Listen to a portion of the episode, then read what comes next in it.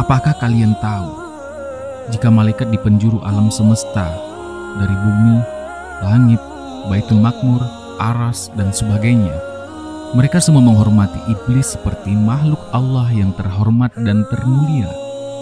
Namun, mengapa ia terusir dari surga? Dalam konten kali ini, kita akan membahas tentang kisah terusirnya iblis dari surga.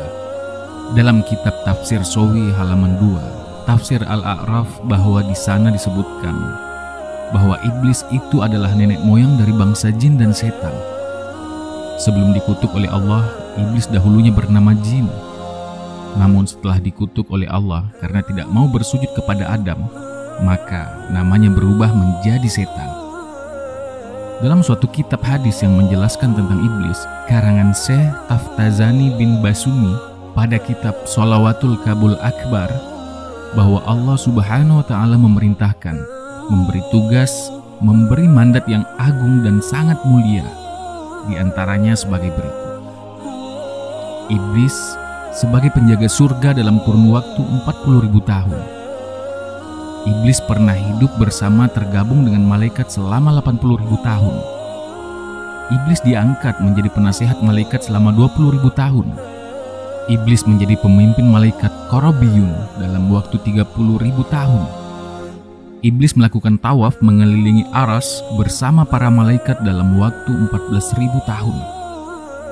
Nah, jadi secara keseluruhan, Iblis beribadah melakukan semua perintah kepada Allah dalam kurun waktu kurang lebih 185 ribu tahun. Pada masa itu malaikat dan lainnya iblis diberi gelar Al-Aziz atau makhluk Allah yang termulia. Ada yang memberi gelar Azazil atau panglima besar malaikat.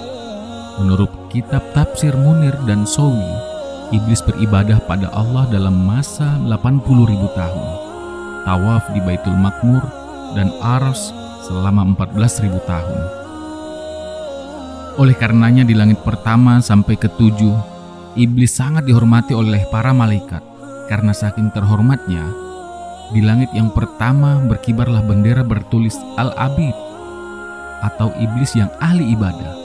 Di langit kedua berkibarlah tulisan Al-Jahid, iblis yang ahli suci, tidak melanggar larangan Allah dan mematuhi segala perintah Allah. Di langit ketiga berkibarlah tulisan Al-Arif yang mengetahui segala kekuasaan kemuliaan Allah. Di langit keempat berkibarlah tulisan Al-Waliyu yang dibebani dan dikasihi Allah.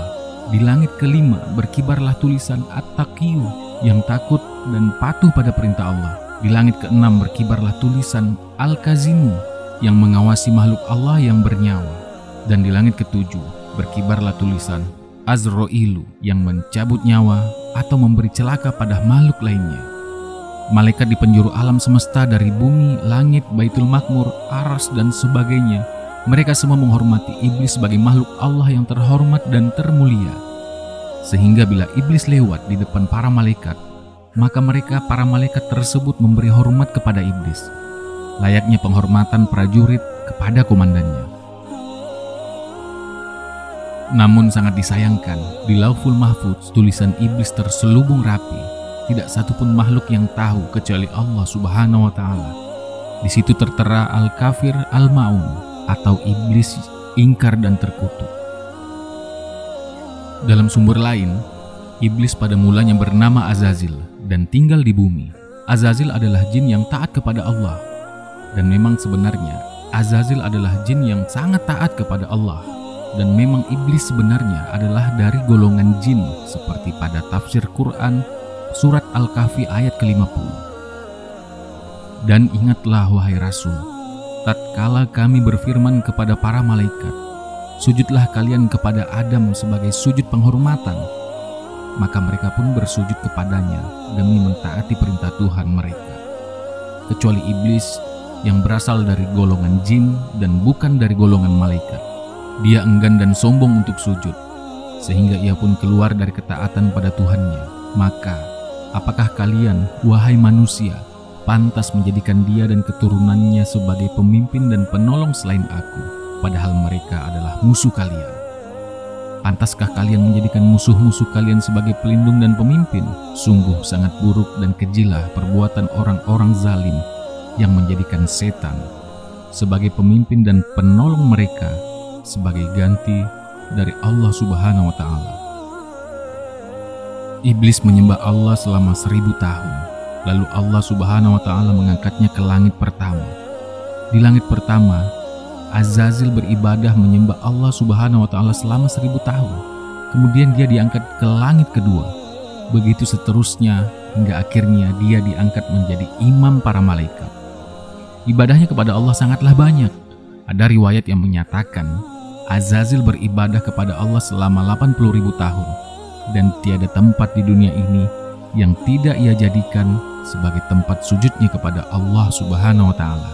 Dalam satu riwayat menceritakan, jika malaikat Israfil melihat yang tersurat di Luh Mahfuz tentang adanya satu hamba Allah yang beribadah selama 80 ribu tahun, tetapi hanya karena satu kesalahan, maka ibadah hamba tersebut tidak diterima Allah dan hamba itu dilaknat sampai hari kiamat. Melihat itu maka menangislah Israfil karena bimbang akan makhluk yang tersurat di Lauh Mahfuz itu adalah dirinya maka diceritakanlah Israfil kepada segala malaikat pengalamannya melihat apa yang tersurat di lauh mahfuz itu. Maka menangislah sekalian malaikat-malaikat karena takut dan bimbang akan nasib mereka. Lalu semua malaikat datang menemu Azazil yang menjadi imam para malaikat agar Azazil mendoakan keselamatan dunia dan akhirat kepada seluruh malaikat. Azazil pun mendoakan keselamatan di dunia dan di akhirat kepada seluruh malaikat dengan doa, "Ya Allah, janganlah engkau murka terhadap mereka, para malaikat. Namun malangnya, Azazil justru lupa untuk mendoakan keselamatan bagi dirinya sendiri. Selepas mendoakan semua para malaikat, Azazil lalu menuju surga. Di atas pintu surga, Azazil melihat suratan, tulisan yang menyatakan ada satu hamba dari kalangan hamba-hamba Allah yang mukarrabin yang telah diperintahkan Allah untuk membuat sebuah tugas. Namun, hamba tersebut mengingkari perintah Allah lalu dia tergolong dalam golongan yang sesat dan terlaknat. Saat Allah Subhanahu wa taala menciptakan Adam alaihissalam dan memerintahkan malaikat untuk sujud kepada Adam alaihissalam, Azazil sebagai imam para malaikat yang seharusnya lebih dahulu bersujud memimpin para malaikat namun justru menolak karena dia merasa bahwa dirinya lebih baik daripada Adam. Sementara para malaikat lain segera bersujud tanpa dipimpin oleh Azazil. Azazil bukan saja enggan untuk bersujud, Azazil malah sombong dan menjawab kepada Allah. Seperti tafsir Al-Quran surat Al-Isra ayat 61. Dan ingatlah wahai Rasul, ketika kami berfirman kepada para malaikat, Sujudlah kalian semua kepada Adam sebagai sujud penghormatan, bukan sujud ibadah dan penyembahan. Lalu mereka semua mengerjakannya dan sujud kepada Adam. Namun ternyata iblis enggan bersujud kepadanya karena sombong seraya berkata kepada Allah, Apakah aku harus bersujud kepada orang yang engkau ciptakan dari tanah, sedangkan aku engkau telah ciptakan dari api? Sungguh aku lebih mulia darinya.